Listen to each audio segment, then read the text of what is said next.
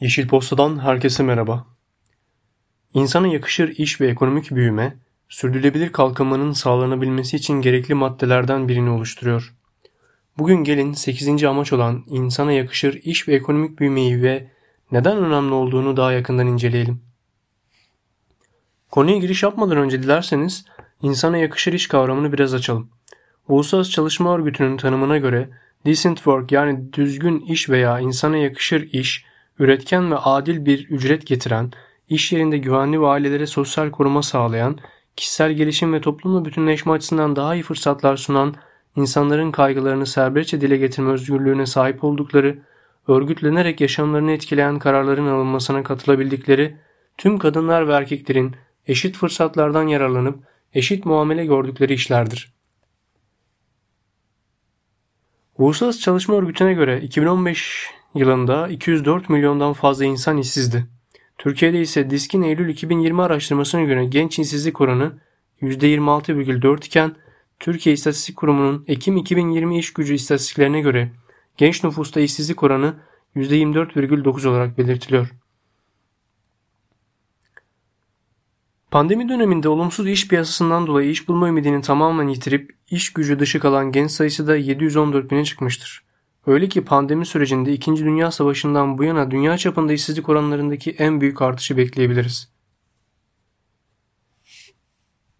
İş yaratılması, yatırım, girişimcilik, beceri geliştirme, iş yaratma ve sürdürülebilir geçim fırsatları sunan bir ekonomi.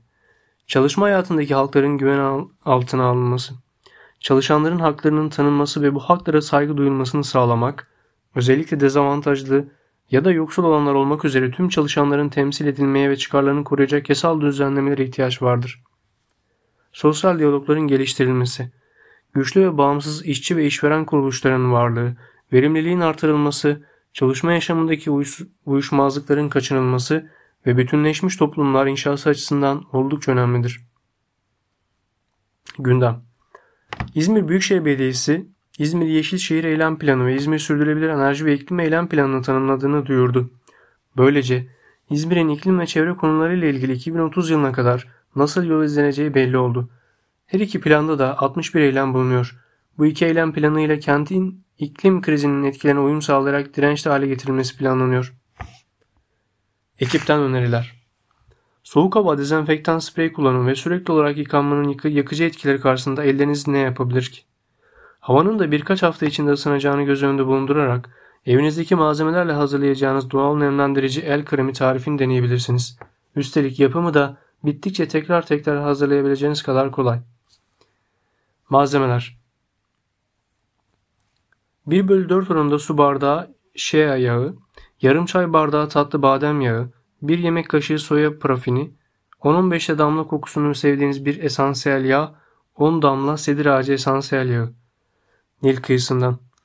Geçen hafta 9 gezegensel sınırının ilk ikisinden, iklim değişikliği ve okyanus asitliğinden bahsetmiştik. Bu hafta sıra 3. ve 4. sınırlarda. Stratosferik ozon tüketimi.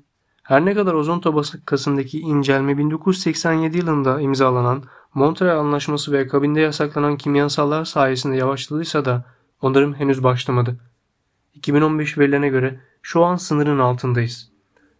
Biyokimyasal akım Tarımda kullanılan aşırı gübrelerin içindeki azot ve fosforun fazlası da tatlı veya tuzlu sulardaki ekosistemleri tehlikeye atar.